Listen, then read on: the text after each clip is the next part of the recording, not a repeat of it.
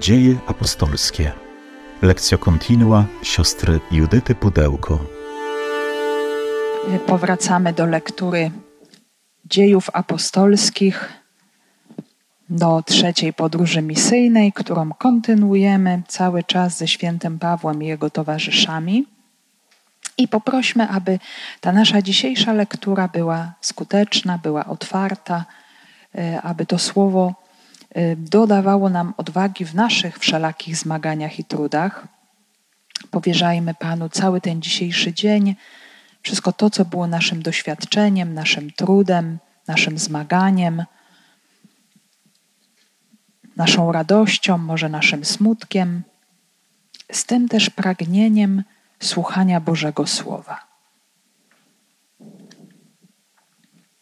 Panie Jezu Chryste, otwieramy nasze serca przed Tobą, oddajemy i powierzamy się Tobie. Prosimy Cię, spraw, aby to Twoje słowo dzisiaj było światłem dla naszej codzienności. Prosimy Cię, udzielaj nam Twego Ducha Świętego. Przyjdź o Duchu Święty, przyjdź mocy Boga i słodyczy Boga. Przyjdź Ty, który jesteś poruszeniem i spokojem zarazem. Odnów nasze męstwo, wypełnij naszą samotność pośród świata. Stwórz w nas zażyłość z Bogiem. Przyjdź, duchu, z przebitego boku Chrystusa na krzyżu. Przyjdź z ust zmartwychwstałego. Cały czas towarzyszymy świętemu Pawłowi w jego trzeciej podróży misyjnej. E, dziś sobie doczytamy do końca to, co e, zaczęliśmy ostatnio, czyli trudną historię zamieszków e, tłumu, buntu przeciw chrześcijanom, który wybuchł w Efezie. I potem po tym wydarzeniu, jak widzimy, według tego rozkładu, Paweł uda się w dalszą e, drogę do Macedonii. Natomiast oczywiście cały czas przypominamy sobie, że głównym, pierwszym punktem wyprawy Pawła był Efes, który niejako oczekiwał na ewangelizację tego wielkiego apostoła, który był już przez niego nawiedzony podczas powrotu z drugiej podróży misyjnej i, i tam Paweł zasiał pierwsze ziarno, tam zasiewał swoje ziarno również Apollos, Żyd z Aleksandrii, później zewangelizowany przez Pryscyllę i Akwillę. Paweł tam zewangelizował Joannitów, którzy przyjęli dar Ducha Świętego y, i również zewangelizował wielu Żydów, ale jak pamiętamy, y, pojawił się konflikt pomiędzy Pawłem a niektórymi Żydami z synagogi efeskiej. Paweł się usuwa, przenosi się do szkoły Tyrannosa. Potem pamiętamy, ewangelista Łukasz informował nas o tym, że Paweł nie tylko nauczał, ale również przez jego osobę dokonywały się cuda uzdrowienia, nawet przez przedmioty z nim związane. Dokonywały się również egzorcyzmy. No i pojawiają się tacy właśnie y, uzurpatorzy, którzy chcą też tak działać, bo to jest bardzo duża pokusa dla człowieka, żeby w jakiś sposób zaistnieć, żeby objawić jakąś swoją pseudomoc, przyciągnąć ludzi do siebie. To jest, możemy powiedzieć, sytuacja, która się e, pojawia gdzieś we wszystkich czasach we wszystkich miejscach świata, wykorzystuje się, manipuluje się rzeczami duchowymi, kwestiami duchowymi, po to, żeby osiągnąć jakieś swoje prywatne cele. No i tutaj po raz kolejny też y, taka sytuacja zostaje opisana. Próba egzorcyzmu w imię Jezusa bez wiary w Jezusa. To po prostu nie działa. Nie można nic takiego zrobić, a jeszcze y, y, ci pseudoegzorcyści, synowie Skewasa, żydowskiego kapłana zostają zaatakowani, jak pamiętamy, przez opętanego człowieka i pobici dotkliwie, żeby zapamiętali dobrze, że tak się nie da. Y, jedynie ten, kto ma więź z Jezusem przez wiarę, może działać skutecznie w Jego imię. Tu, tu jest właśnie ta konieczność tego powiązania, połączenia. To oczywiście też wiemy, że kwestia egzorcyzmów to jest bardzo szczególna y, posługa w kościele, zarezerwowana tylko dla tych, którzy mają posłanie od biskupa. Biskup jest y, egzorcystą ze swej, możemy powiedzieć, już y, posługi pasterskiej, każdorazowy biskup, i on deleguje y, do tej służby, daje tę władzę Chrystusa, tę moc, którą ma tylko Bóg. Tylko Bóg ma moc zwyciężyć złego ducha, to zło, które jest od nas inteligentniejsze, przebieglejsze i może udzielić tej władzy również tym, którzy w Niego wierzą. E, jak pamiętamy, cała ta trudna sytuacja, ona ma bardzo pozytywny skutek, bo ludzie widząc, co się stało, zaczynają uświadamiać sobie swoje powiązania z magią, swoje nie do końca szczere nawrócenie i wyznają swoje uczynki i palą magiczne księgi. Jest właśnie w człowieku taka przedziwna jakby pokusa, zależność, szukanie, uchwycenia się jakichś rzeczy, jakiejś władzy, jakiejś mocy, kiedy człowiek będzie mógł tak czy inaczej kontrolować rzeczywistość. Nie? To jest właśnie magia. Ale właśnie tak się ta sprawa nie kończy, bo po e, tych trudnościach pojawiają się kolejne. Wobec chrześcijan pojawiają się znów zarzuty, E, I tutaj właśnie tym razem chodzi o zmniejszenie, osłabienie kultów pogańskiej bogini e, Artemidy, jej wspaniałej świątyni, która należała do siedmiu cudów świata. E, także z tym była związana ogromna machina finansowa. I złotnik Demetriusz podburza lud przeciwko Pawłowi, chrześcijanom. Wszyscy udają się do teatru, krzycząc w ogromnym oburzeniu przeciwko chrześcijanom. I zobaczmy, jak ta cała historia się skończyła.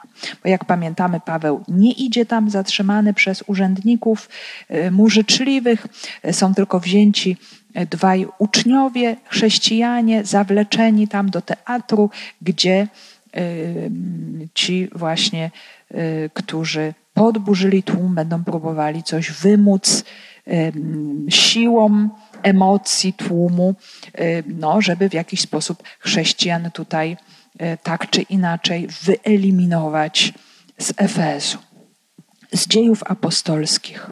Każdy krzyczał co innego, bo zebranie było burzliwe, a wielu nie wiedziało nawet po co się zebrali. Z tłumu wy wywołano Aleksandra, bo go wysuwali Żydzi. Aleksander, dawszy znak ręką, chciał się usprawiedliwić przed tłumem. Gdy jednak poznali, że jest Żydem, ze wszystkich ust podniósł się jeden krzyk i prawie dwie, przez dwie godziny krzyczeli Wielka Artemida Efeska.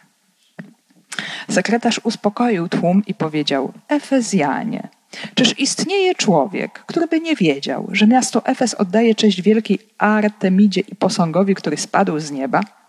Temu nie można zaprzeczyć. Dlatego winniście zachować spokój i nic nie czynić pochopnie. Przyprowadziliście bowiem tych ludzi, którzy nie są ani świętokradcami, ani też nie bluźnią naszej bogini. A jeżeli Demetriusz i jego rzemieślnicy mają sprawę przeciw komuś, to na rynku odbywają się sądy. Są też prokonsulowie, niechże jedni drugich oskarżają. A jeżeli czegoś więcej żądacie, zostanie rozstrzygnięte na prawnie zwołanym zgromadzeniu. Grozi nam bowiem oskarżenie o dzisiejsze rozruchy, gdyż nie ma żadnego powodu, którym moglibyśmy wytłumaczyć to zbiegowisko. Po tych słowach rozwiązał zgromadzenie.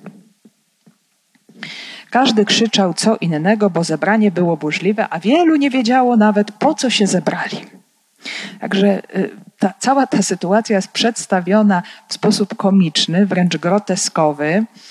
Y, no to nam pokazuje też pewne mechanizmy, które się pojawiają zawsze i wszędzie wśród ludzi w takich sytuacjach. Czyli, y, czyli właśnie ludzie, którzy, większość z nich przypadkowo zupełnie pojawia się czy dołącza do tej grupy, słyszą krzyk, widzą zamęt i tak naprawdę nie wiedzą, o co chodzi. W jakim celu idą, co kto krzyczy, czemu to wszystkim służy. No, Wielu ludzi po prostu zupełnie nic nie wie.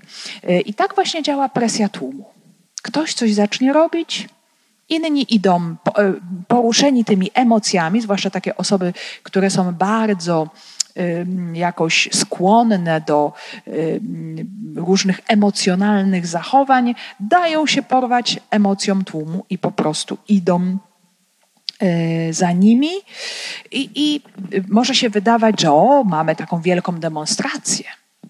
A tak naprawdę większość nie wie o co chodzi i po co idzie i w jakim celu krzyczy. Więc wystarczy wzburzyć dobrze kilka osób, które zaczną głośno krzyczeć i się awanturować, żeby ten problem się rozrósł, żeby eskalował i praktycznie nie ma tam żadnych działań opartych o rozum. Także no, jest to taka sytuacja bardzo, myślę, ponadczasowa i uniwersalna, bo tego rodzaju sytuacje zdarzają się po dzień dzisiejszy. Tak działa właśnie y, jakiś tutaj y, no, no, taka, taka sytuacja wywołana też przez tłum. I tutaj ci mieszkańcy Efezu, którzy tworzą zgromadzenie, tu się będzie pojawiał ten termin eklezja w odniesieniu właśnie do Efezjan, czyli wspólnota, czyli zgromadzenie, e, oni są bliscy zamieszkom. Ogromne miasto może właśnie e, e, tutaj zostać podburzone, może dojść do jakichś rozruchów, prawie że wewnętrznej wojny domowej. Jeden wystąpi przeciwko drugiemu, i e, ta, tę sytuację tego wzburzenia, tej burzliwości, tego podziału, tego napięcia opisują terminy, które to jest też ciekawa sprawa. W Septuagincie opisują nam rzeczywistość budowniczych wieży Babel. No i właśnie oni chcieli coś razem wielkiego zrobić, ale po prostu no, nie byli w stanie się ze sobą dogadać, bo no, no, no, właśnie tu możemy to porównać do tego. Każdy krzyczy co innego. Każdy krzyczy po swojemu. Nie wiadomo dokładnie o co chodzi. Więc z jednej strony jest chęć tworzenia czegoś, co się nazywa eklezja, co jest wspólne, co się robi razem, ale tutaj nie ma tej rzeczywistości wspólnoty tego uporządkowania, tej harmonii. Jest po prostu y, takie złączenie się w złu, y, które dzieli. To zło dzieli. I tak naprawdę nie chodzi o jakiś konkretny, pozytywny cel, tylko oczywiście wiemy doskonale o pewne partykularne interesy, i mm, no, no tu nie może być y, żadnej jedności, żadnej wspólnoty, żadnego wspólnego dobra, ale ostatecznie ta, to zgromadzenie, ta wspólnota prowadzi do jeszcze większego chaosu, wzburzenia i podziału. Nie. Mieszkańcy są bliscy zamieszkom. Mieszkańcy Efezu tworzący zgromadzenie są bliscy zamieszkom. Oni, oni są bliscy. Z jednej strony jest to zgromadzenie, jest, mają tworzyć wspólnotę, grupę jakąś właśnie mieszkańców i potem też usłyszymy, że sekretarz będzie rozwiązywał to zgromadzenie, eklezja, ale tak naprawdę zgromadzeniem, ze zgromadzeniem nic nie miała wspólnego z eklezją, bo każdy tam krzyczał swoje. Nie, nie wiedziano nawet ostatecznie o co chodzi. Nie? I no, sytuacja też była, była bardzo, bardzo trudna. Z tłumu wywołano Aleksandra, bo go wysuwali Żydzi. Aleksander, dawszy znak ręką, chciał się usprawiedliwić przed tłumem. Więc próbuje się coś zrobić. No sobie wyobraźcie, jak się trudno przebić przez taki krzyczący tłum, gdzie nawet człowiek sam samego siebie nie potrafi usłyszeć. I zaskakujące, że do jakiejś przemowy najpierw zostaje delegowany Żyd o imieniu Aleksander, co już świadczy o tym, że był to Żyd schelenizowany, ma greckie imię, i no, być może był też człowiekiem wykształconym. I możemy sobie zadać pytanie, no, w jakim celu on chciał przemówić? Czy chciał stanąć w obronie Pawła, czy też nie? Otóż wydaje się, że człowiek ten próbuje wykorzystać właściwy moment, żeby opowiedzieć się przeciw chrześcijanom przeciw chrześcijanom. Dlaczego? Bo poganie, o tym już sobie też mówiliśmy wielokrotnie, postrzegali chrześcijan jako Żydów. nie? bo głoszą Boga jedynego. Z tego byli znani Żydzi, monoteiści, którzy też się sprzeciwiali zwyczajom pogańskim, tworzyli pewne zamknięte enklawy. Pamiętamy, taka sama sytuacja była chociażby w Filippi, kiedy było oskarżenie spowodowane egzorcyzmem i utraceniem ducha, który wróżył. E, no, no więc właśnie Żydzi, którzy tu zmieniają nam nasze rzymskie obyczaje. Także y, Aleksander pewnie będzie chciał próbować y, bardzo zdecydowanie odciąć się od chrześcijan, od, odciąć od chrześcijan wspólnotę żydowską i też nie jest wykluczone, że należy on do grupy, tej grupy z synagogi, która oponowała przeciw Pawłowi.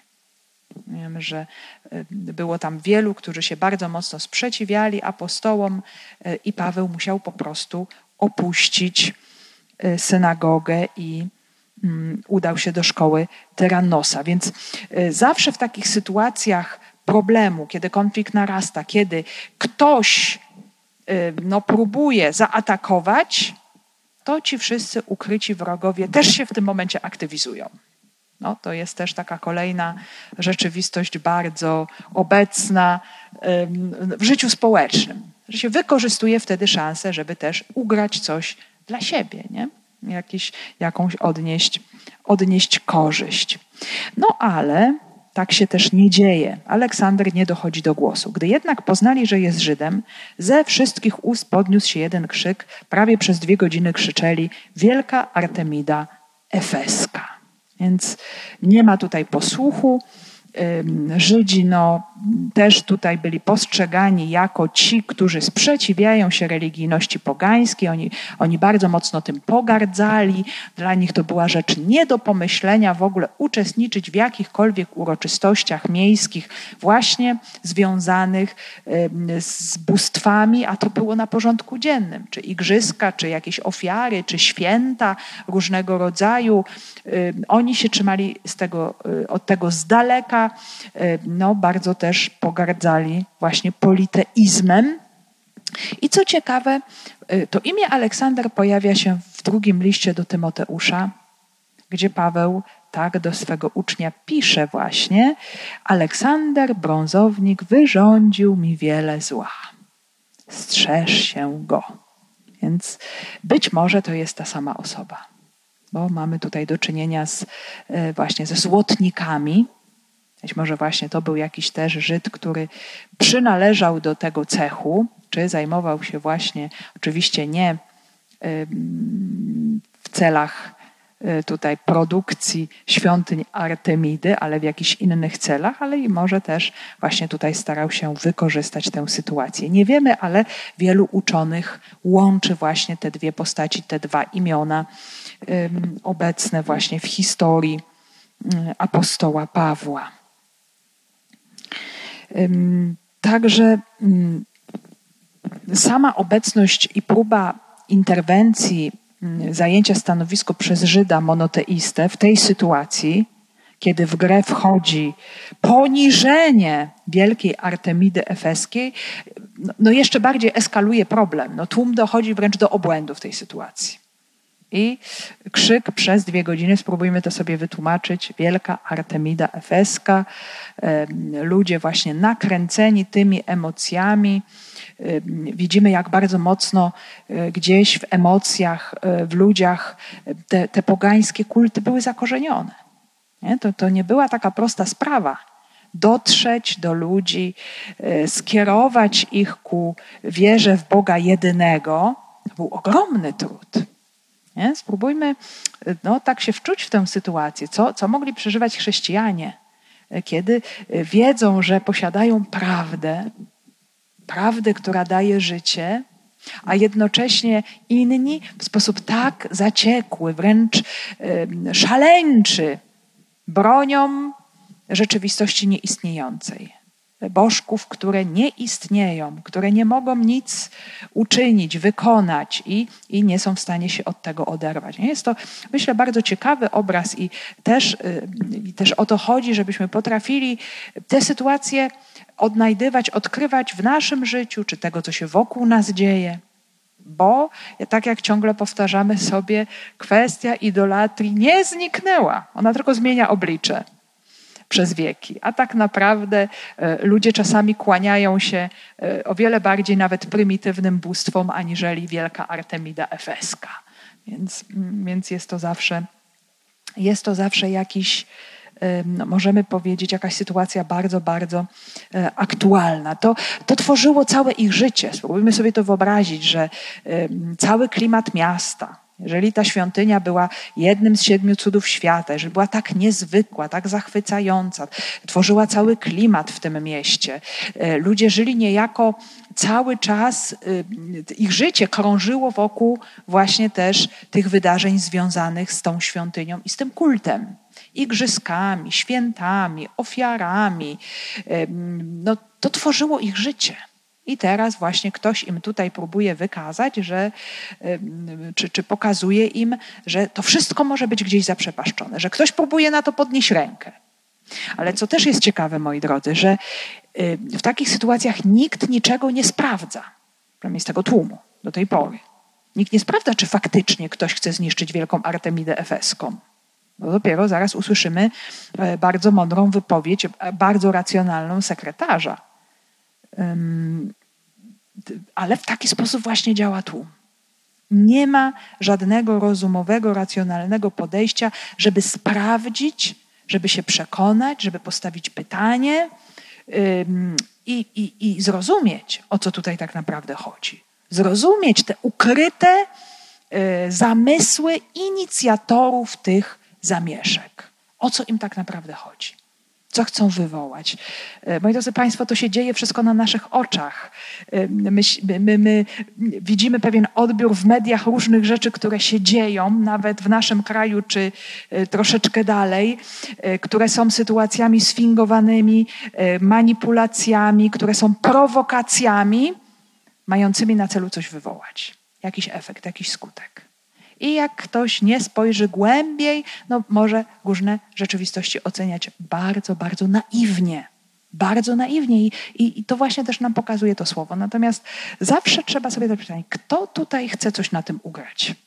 Kto chce coś na tym ugrać? I e, jak się przyjrzymy ogromnej ilości wydarzeń e, świata, państw, społeczności, no to zazwyczaj właściwie pod różnymi działaniami są jakieś ukryte motywy. Ktoś na tym korzysta po prostu. I tutaj jest bardzo podobnie, bo złotnikom wie, wiemy po prostu o co chodziło w rzeczywistości. Gdyby, mm, myślę, żeby się tak bardzo nie upominali o te kulty, gdyby interes się kręcił dobrze według ich zamiarów. I, no i, no i, i, i, jest wywołane to co, to, co chcieli właśnie Demetriusz i spółka. Krzyk, który trwa dwie godziny w obronie, w obronie bogini. Sekretarz uspokoił tłum i powiedział Efezjanie, czy istnieje człowiek, który by nie wiedział, że miasto Efes oddaje cześć wielkiej Artemidzie i posągowi, który spadł z nieba? Temu nie można zaprzeczyć. Dla, dlatego winniście zachować spokój i nie czynić, i nic nie czynić pochopnie. Także jest jakiś tutaj grammateus, jakiś pisarz, jakiś sekretarz, ktoś pewnie z magistratu, jakiś człowiek uczony z zarządu miasta, ktoś, kto może przewodniczy Radzie Miejskiej. No jest tutaj on anonimowy, nie ma żadnego imienia. I, I to wszystko wyglądało tak, że oczywiście takie greckie miasto miało swój zarząd, jako greckie polis, swoich tutaj przedstawicieli, którzy organizowali życie miasta, ale jednocześnie ci Grecy, oni y, byli niejako zależni też od władz rzymskich, od tych władz militarnych również, które y, czuwały nad Pax Romana, czyli nad pokojem w całym imperium. No i właśnie byli to ludzie, którym no, zależało jednak na, na utrzymaniu jakiegoś względnego y, spokoju. Więc robili oni wszystko, żeby takim zamieszkom też przeciwdziałać, bo no, tu władze rzymskie mogą od razu widzieć w tym zarzewie jakiegoś buntu niby przypadkowo wywołanego, który ostatecznie potem może stać się jakąś zbrojną interwencją przeciwko Rzymianom. I zaskakująco udaje mu się uspokoić tłum. Nie? Że ja, w jaki sposób on tutaj działa.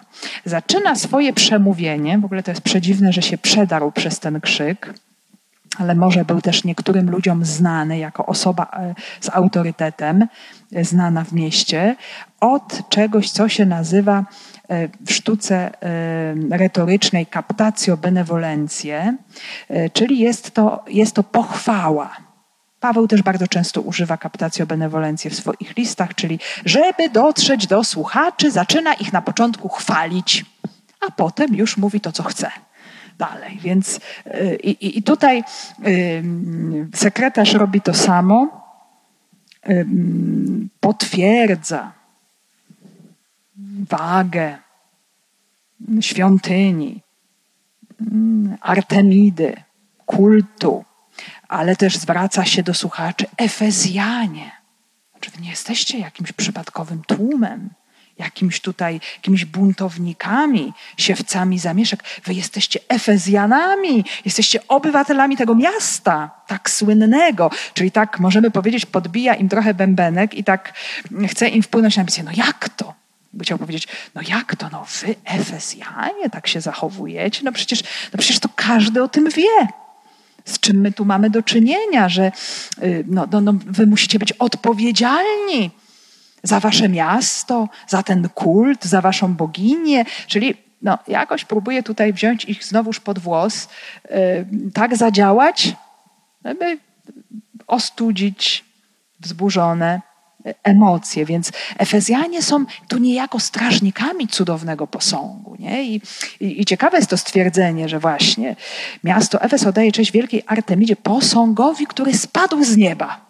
Bardzo jest to ciekawe. Posąg, który spadł z nieba. Otóż były takie legendy, że ten kamień, z którego wykonana była statua wielkiej Artemidy Efeskiej, to był meteoryt.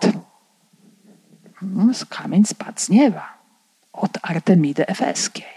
Więc to nie jest jakaś rzecz wykonana ludzkimi rękoma.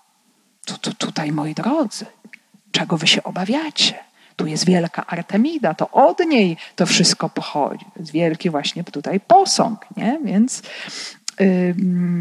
w taki sposób tutaj właśnie ten sekretarz apeluje do zgromadzonych, żeby się uspokoili i nie czynili nic pochopnie.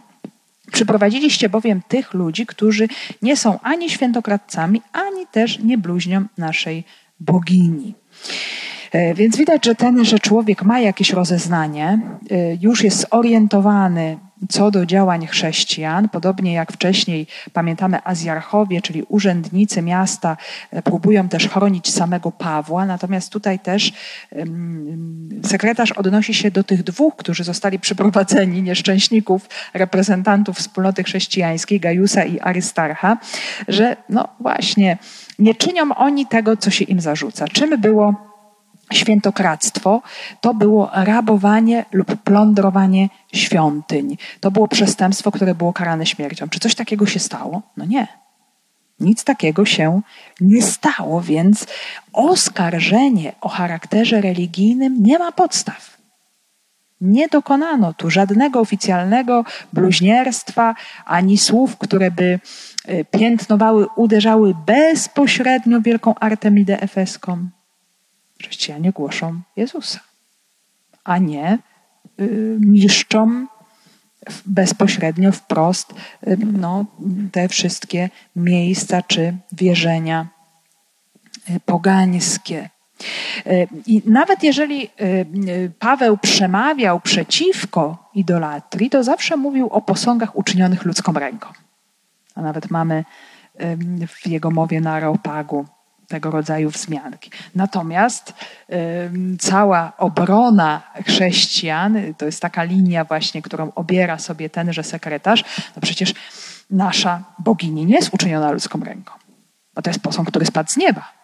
No więc tutaj chrześcijanie nie mają zupełnie nic do tego. Widać właśnie taką jakieś bardzo pozytywne podejście do chrześcijan, tegoż człowieka. Nie wiemy, czy miał jakieś pozytywne doświadczenie, czy Paweł z nimi rozmawiał, czy miał jakiś kontakt, czy po prostu był to człowiek bardzo rozumny, czy, czy jeszcze inaczej możemy powiedzieć, w tym momencie Pan Bóg natchnął go szczególnym światłem, żeby się posłużyć e, również poganinem dla swoich celów. Ale też no, na pewno tutaj jakiś wpływ miał fakt, że no, Paweł to nie jest jakikolwiek Żyd, ale to jest obywatel rzymski. I, i, I wiemy, że niekiedy Paweł nie mówił o tym, ale czasami się posługiwał e, tym mm, faktem na swoją korzyść. I to mu bardzo pomagało, bo obywatela rzymskiego nie można było zlinczować bez wniesienia oficjalnego oskarżenia bez świadków, bez sądu. Prawo rzymskie y, no, tego też bardzo pilnowało. Pamiętamy, co się stało w Filipi, jak bardzo byli przestraszeni urzędnicy, y, kiedy się dowiedzieli o tym, że Paweł jest Rzymianinem. Nie, nie wolno było takich rzeczy robić. Oni mogli po prostu stracić swój urząd i być zesłanymi, no już może nie na daleką Syberię, ale gdzieś na jakąś głęboką prowincję, Y, y, no, gdzie nie mieli za dużych szans rozwoju. Więc, y, więc bardzo Pawła przepraszali i, i, i chcieli jak najlepiej zatuszować zatuszować tę problematyczną sytuację. Więc tutaj już urzędnicy Efezu są mądrzejsi i, i nie podejrzewają Pawła o obywatela rzymskiego o jakieś zakłócenie porządku. A jeżeli Demetriusz i jego rzemieślnicy mają sprawę przeciw komuś, to na rynku odbywają się sądy. Są też prokonsulowie. Niechże jedni drugich oskarżają. Więc jeżeli jest jakiś problem, proszę to zrobić oficjalnie. Czyli proszę tutaj nie używać jakichś manipulacji, jakichś zbiegowisk, w których nie wiadomo o co chodzi, żeby coś w sposób podstępny e, emocjami tłumu uzyskać. Bo no tutaj nie ma miejsca na coś takiego. Ktoś ma zarzut, problem, proszę złożyć oficjalną skargę. I będziemy się sądzić wtedy. Jest na to miejsce. Jest e, agora, czyli rynek. Właśnie tam na rynku odbywają się sądy, tam są również właściwi urzędnicy. Może być pozew, oficjalny proces. Nie ma zgody na samosądy i lincze. Więc tutaj y, wszyscy są chyba w tym swoim szale sprowadzeni do parteru i y, no, kubeł zimnej wody zostaje bardzo wyraźnie wylany na, y, na ich głowę. A jeżeli czegoś więcej żądacie, zostanie rozstrzygnięte na prawnie zwołanym zgromadzeniu. Właśnie zgromadzenie prawnie zwołane, czyli ta eklezja, która nie jest jakimś krzyczącym, ryczącym tłumem, który się domaga siłą swoich praw, ale właśnie taką wspólnotą, zgromadzeniem y, powołanym prawnie. Y, wszystko jest wtedy sprawdzone, właściwie przeprowadzone, y, a nie właśnie jakiś mm, po prostu spontan. Więc człowiek, który tutaj się odezwał, ten zarządca, ten sekretarz, ten uczony człowiek, widać, że ma ogromny właśnie, y, ogromny szacunek dla prawa, prawodawstwa. Czasami no, w świecie semickim często było, pojawiały się różnego rodzaju samosądy, lincze. Możemy sobie przypomnieć chociażby to, co spotyka Szczepana na samym początku dziejów apostolskich to był właśnie taki bezprawny lincz. Nie wolno było takich rzeczy robić. Żydzi nie mieli prawa tego zrobić. Zobaczmy, Paweł, nawet jeszcze Szaweł wtedy uczestniczy w takim wydarzeniu. Tego rodzaju właśnie zachowania były bliższe kulturze semickiej niż grecko-rzymskiej, ale jak widzimy, wszystkich ludzi można ostatecznie zmanipulować i podburzyć.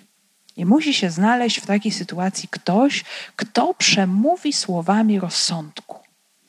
Y, no może nie tyle bez już żadnych tam innych jakichś duchowych argumentów, ale właśnie słowami rozsądku, żeby rzeczywistość y, uspokoić. Więc mm, to jest, moi drodzy, myślę, taka bardzo ważna rzecz, bo każdy człowiek może w różnych sytuacjach, w zależności od tego też, co jest dla nas ważne, co nas porusza, co nas dotyka, może y, dać się komuś zakręcić, podpalić. Przyjdzie jakiś podpalacz i swoimi słowami wzbudzi niepokój, y, zapali emocje, no i potem jest bardzo trudno. Moi drodzy, jakiś czas temu przeczytałem takie mądre zdanie, że kiedy ktoś wznieci pożar w Twoim domu, to nie biegnij za podpalaczem, żeby go ukarać, ale ugaś pożar. I, I, myślę, że to jest bardzo mądre zdanie, bo mm, zazwyczaj, kiedy ktoś nas y, y, rozhuśta nam emocje tak czy inaczej, to, to cała nasza, możemy powiedzieć tutaj, e, jakieś emocje się kierują w zależności, jak, jak zostaje zmanipulowana ta wypowiedź, nie? czy przeciwko temu e, konkretnej osobie, czy e, przeciwko komuś innemu, wobec kogo jesteśmy źle nastawieni, czy nastawiani. A tymczasem to, to, to by było coś takiego jak biec za podpalaczem, a tymczasem dom się pali. Nie ma co biec za podpalaczem wracaj do domu, do siebie i gaś swój pożar. Podpalacza zostawić, nie? Niech se leci dalej. Najważniejsze jest, no, w pierwszym rzędzie trzeba ugasić swój pożar. No bo potem już, y, jak się pożaru nie ugasi, to już podpalacz nie będzie, już jest to już jest wszystko stracone. Nie? Więc w pierwszym rzędzie oczywiście. Może i trzeba potem się zająć rozmową, jeżeli oczywiście ma to jakikolwiek sens, bo czasami nie ma sensu z podpalaczem, albo przynajmniej y, starać się w jakiś sposób ochronić swój dom przed tym, ochronić swój umysł, bo zobaczmy, tutaj zostały podpalone umysły i zostały zalane różnego rodzaju emocjami, które no sięgnęły absurdu w sposób zupełnie irracjonalny. Więc mm, to, co robi, to, co robi właśnie sekretarz, to gasi, gasi pożar, nie? Gasi pożar i zauważa, że tutaj, no właśnie, kto jest tym podpalaczem? No Demetriusz. I, i, i właśnie też do Demetriusza tutaj w swojej wypowiedzi się zwraca, e, mm, nie wydaje jakiegoś oskarżenia na niego, ale wskazuje, proszę, jeżeli masz jakiś problem, to proszę to załatwić tam, gdzie trzeba, z tym, z kim trzeba, proszę wnieść oficjalny jakiś zarzut i wtedy będziesz się sądził i dojdziesz swego. Oczywiście wiadomo, że nie było żadnych podstaw, żeby to zrobić i e, podpalacz Demetriusz i spółka chcieli po prostu coś zyskać w sposób zupełnie manipulacyjny i, i nieuczciwy. Więc y, dzięki mm, roztropności mm, przedstawiciela władz miasta wszystko to zostaje y, właśnie w jakiś sposób zatrzymane. Więc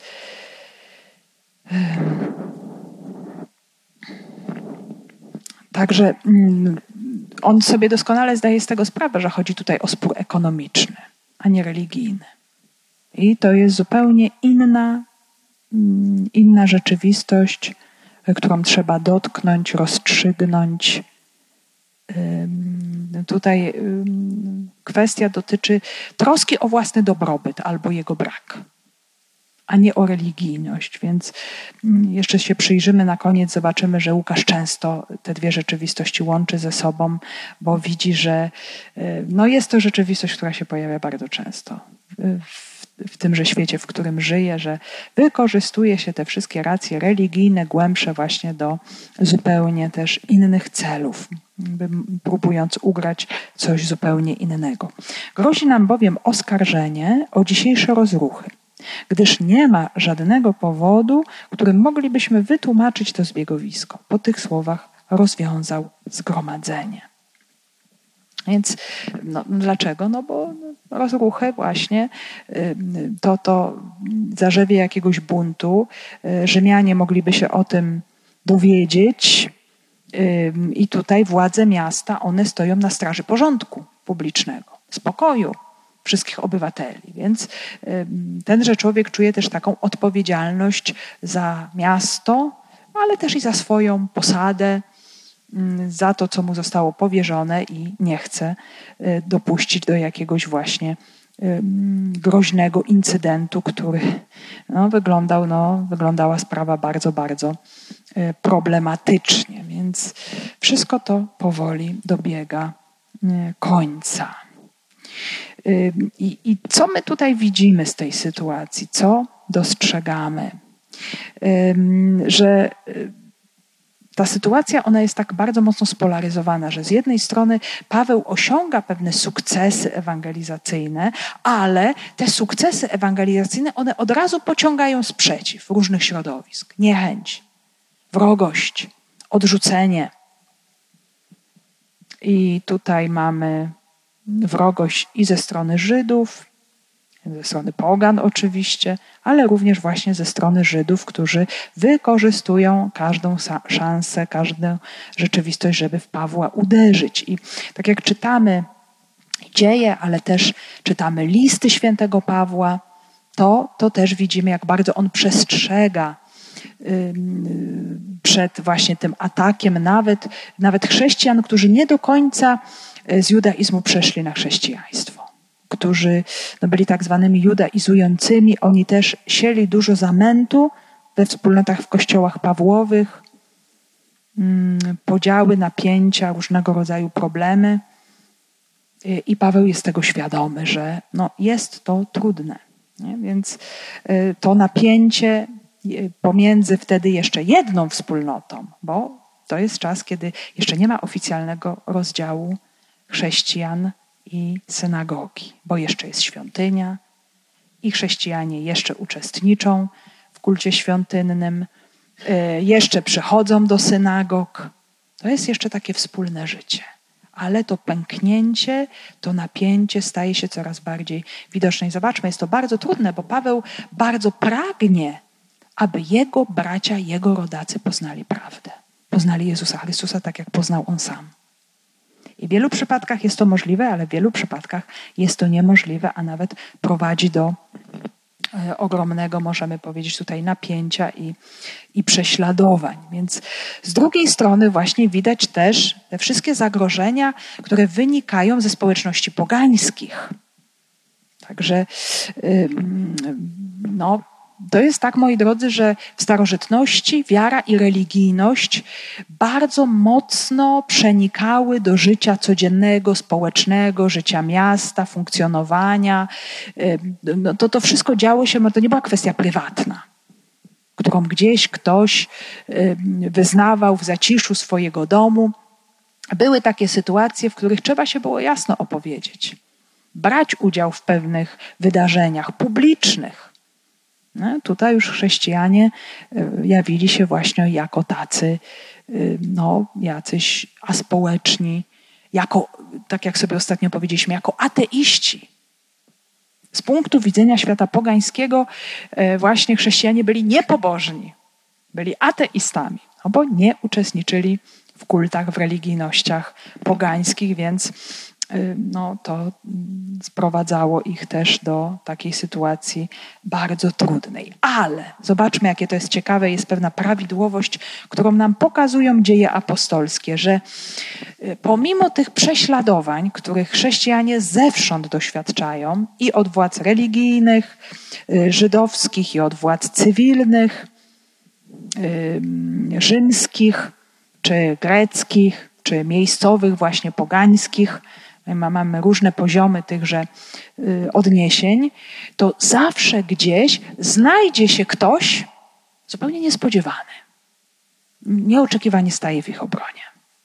I to już się wydarzyło kilka razy. Y, najpierw w Jerozolimie Pan się posłuszył Gamalielem, y, który przekonał swoich rodaków, Żydów, zostawcie tych ludzi.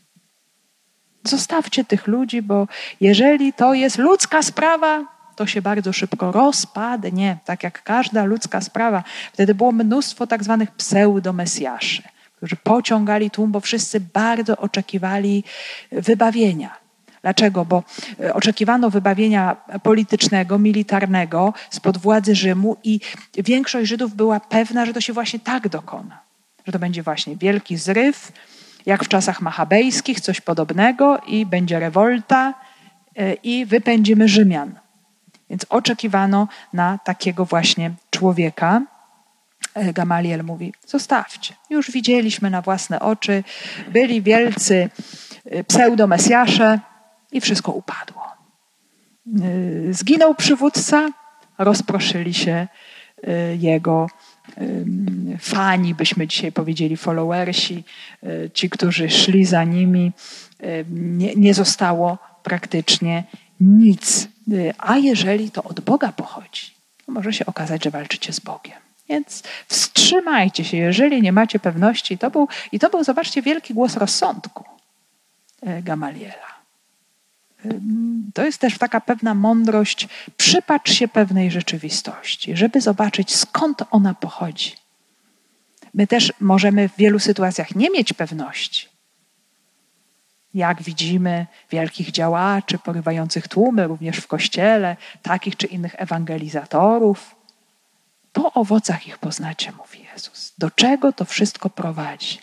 Cała ta sprawa. Bo czasami się zaczyna bardzo dobrze, i są pewne pozory blasku świętości, ale potem z czasem okazuje się to bardzo, bardzo różnie. Więc są czasami takie sytuacje, w których po prostu trzeba przyjrzeć się, trzeba zobaczyć. Więc no zresztą pomyślmy, y, patrząc nawet z punktu widzenia tych władz żydowskich, to nie była taka prosta sprawa dla nich tak to przyjąć po prostu bez, y, bezwiednie. Mieli oni jakieś y, zupełnie swoje schematy myślowe, swoje schematy religijności.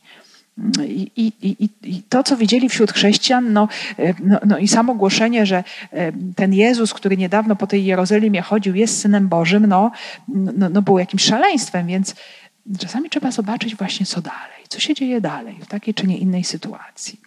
I to był Gamaliel. E, niedawno słyszeliśmy w Koryncie o Galionie, który też tak uspokoił sytuację, e, nawet nie dopuścił Pawła do głosu. Nawet Pawłowi się nie pozwolił wypowiedzieć. Uciął całą sprawę. Uspokoił całą sprawę. Nie? I, teraz, I teraz pojawia się właśnie ten sekretarz. Więc to nam pokazuje bardzo ciekawą e, rzecz, że Pan Bóg, również w naszym życiu, w dziejach Kościoła, może się posłużyć kim chce. Nawet niewierzącym poganinem, jakimś przeciwnikiem, żeby osiągnąć to, co chce osiągnąć. Więc mm, tutaj możemy się czasami bardzo mocno zadziwić. Ale cały ten obraz pokazuje nam Słowo Boże. Tak się, tak się czasami dzieje sposób zupełnie niezrozumiały. Może, może zobaczmy, może Paweł by się spodziewał, no może już wyszedł z tej naiwności, ale może byśmy się spodziewali, że monoteiści Żydzi staną w obronie chrześcijan też monoteistów. Tu stało się zupełnie inaczej. W obronie stanął poganin. No więc czasami możemy otrzymać pomoc od ludzi zupełnie odległych, dalekich, niewierzących, a nasi obrócą się przeciwko nam. Więc no, nie trzeba się dziwić, bo zobaczmy Kościół, e, jego dzieje no, zapisują nam tego rodzaju, tego rodzaju sytuacje. To jest wszystko w rękach Bożych. Nie? I też całe to zajście, co nam pokazuje, jaką wielką moc ma Boże Słowo. Że praktycznie ta działalność chrześcijan, apostołów, ona była kropelką w tym wielkim oceanie pogaństwa, w tym ogromnym kulcie, w tym całym biznesie. A jednak zobaczmy działalność Dzieje apostolskie tutaj nam przede wszystkim relacjonują e, to, co robi Paweł. On z całą potęgą, oczywiście byli też i inni, ale on był tym liderem, który wywoływał, podnosił, możemy powiedzieć, temperaturę w mieście mocą ducha i słowa i e, wszystkimi dziełami uzdrowienia, e, jakieś możemy powiedzieć okiełznaniem magików wszelkiego rodzaju. No pomyślmy, no jeden człowiek. Pan Bóg się może posłużyć i, i robić wielkie dzieła i, i, i to pokazuje, właśnie, ktoś mocniejszy przychodzi. Że mocarz uzbrojony strzeże swego domu, mówił Jezus, ale kiedy przyjdzie silniejszy, no to zrobi swoje. Nie? I, i, I tutaj objawia się wielka moc Bożego Słowa, która może mm, w jakiś sposób nawet uderzyć w wielkie struktury ówczesnego świata. Z drugiej strony jednak widzimy, że Paweł i jego towarzysze są oczyszczeni z zarzutów, że nie czynią oni rozruchów, zamieszek, rewolucji w takim, możemy powiedzieć, polityczno-militarnym znaczeniu. To jest zupełnie inny sposób przemieniania świata. Myślę, że to jest niezmiernie ważne, żeby to zrozumieć i to odkryć, bo w historii Kościoła raz po raz pojawia się taka idea rewolucji, ziemskiej rewolucji, że my tu naszymi siłami stworzymy raj na ziemi. No nie stworzymy. Jest tylko jedna droga do raju na ziemi, bądź wola Twoja jako w niebie, tak i na ziemi, czyli człowiek przemieniony przez Ducha Świętego, człowiek, który w swoim życiu walczy wręcz o pełnienie woli Boga, nawet wbrew sobie, właśnie wbrew sobie, wbrew staremu człowiekowi, on zaprowadza niejako, wprowadza niebo na ziemię. I no pomyślmy, gdyby wszyscy ludzie byli dogłębnie zewangelizowani, i żyliby według tego, do czego zaprasza Jezus. Owszem, nawracając się cały czas, bo błędy jakieś każdy będzie popełniał do końca życia, ale przynajmniej mając tę świadomość, no to byśmy już mieli prawie niebo na ziemi. Bo niebo jest tam, gdzie jest pełniona wola Boga. Nam się czasami może wydawać, że wola Boga to jest jakiś nie wiadomo co, ciężkie, ból, jakieś cierpienie, uciemiężenie człowieka. Wola Boga to jest samo najwyższe dobro. Samo najwyższe dobro, więc jeżeli człowiek się przekona co do tego i naprawdę, czasami nawet wbrew sobie, nawet kiedy do końca tej woli Bożej nie rozumie, ale ja chcę ją pełnić, bo ja mam to przekonanie, że Bóg ma rację, no to nie działyby się na świecie rzeczy tak straszne, jak się dzieją bo to jest wbrew woli Boga, co się, co się właśnie dzieje i dlatego nie ma nieba na ziemi. Nie? Więc, y, ale jest zawsze taki sposób działania. Nawet nie tyle, moi drodzy, świat zmienią jakieś struktury zmienione, że teraz wprowadzimy prawo, teraz wszyscy muszą robić tak i tak. No dobrze, dobrze, żeby tak było, nie? Ale chrześcijaństwo od samego początku pokazuje inną drogę zapraszać człowieka do zmiany jego serca. Ewangelizacja. Duch Święty przemienia serce człowieka i go podprowadza. Oczywiście trzeba jasno mówić, co jest dobre, co jest złe, co godziwe, co niegodziwe, ale zobaczmy, Bóg pozostawia wszystkim ludziom wolność. To jest czasami wręcz skandaliczne, może nam się wydawać.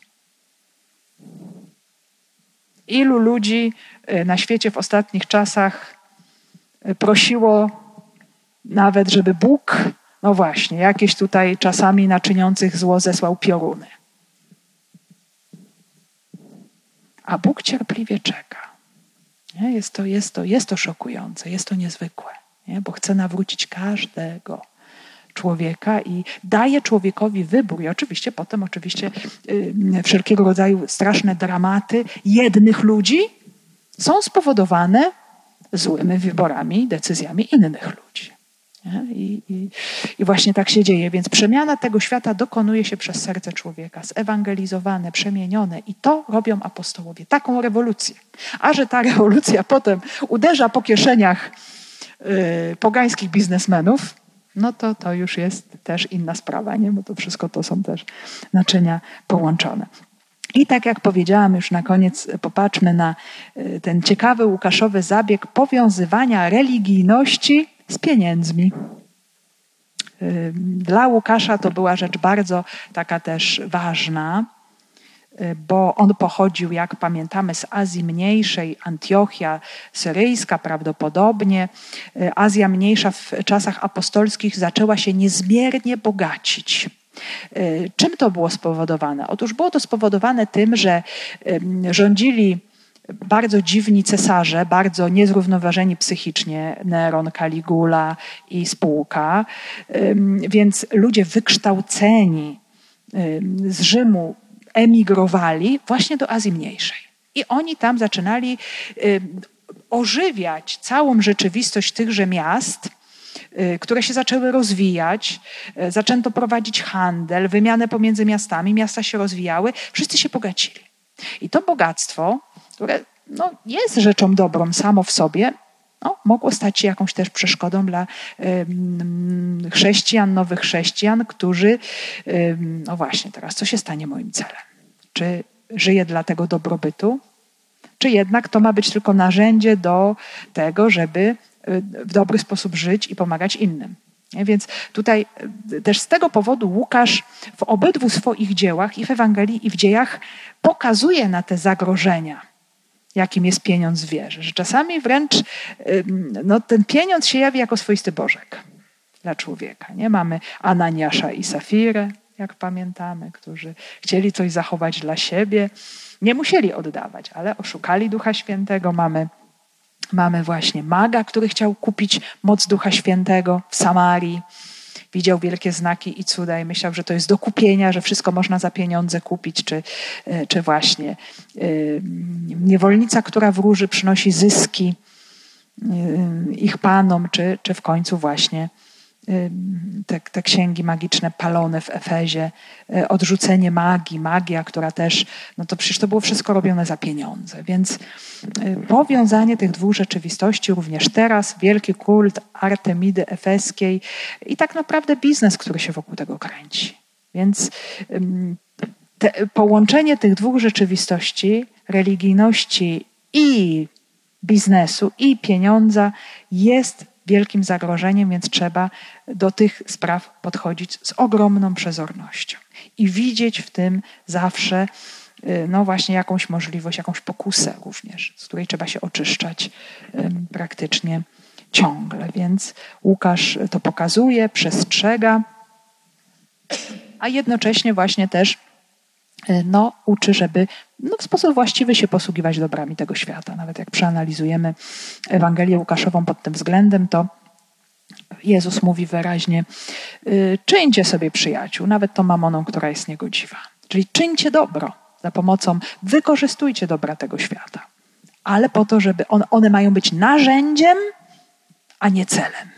Nie? Bardzo często problemem naszym ludzi jest to, że y, z powodu grzechu pierworodnego mylimy sobie środek i cele środki i cele nam się zamieniają. Nie? To, co jest celem, staje się środkiem. To znaczy, Bóg, który jest celem, staje się środkiem, czyli Panie Boże, Ty mi daj wszystko to, co ja chcę. Jeżeli tak traktujemy Boga i naszą modlitwę, no to Pan Bóg się staje środkiem do spełnienia naszych zachcianek, no albo te środki, które mamy, czyli wszystkie dobra tego świata, mogą stać się dla nas celem, takim czy nie innym w życiu.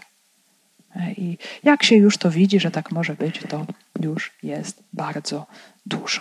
Więc tu się w tym momencie zatrzymamy razem ze świętym Pawłem, jego towarzyszami, którzy niebawem udadzą się do Macedonii i my razem z nimi też tam się ودعمك.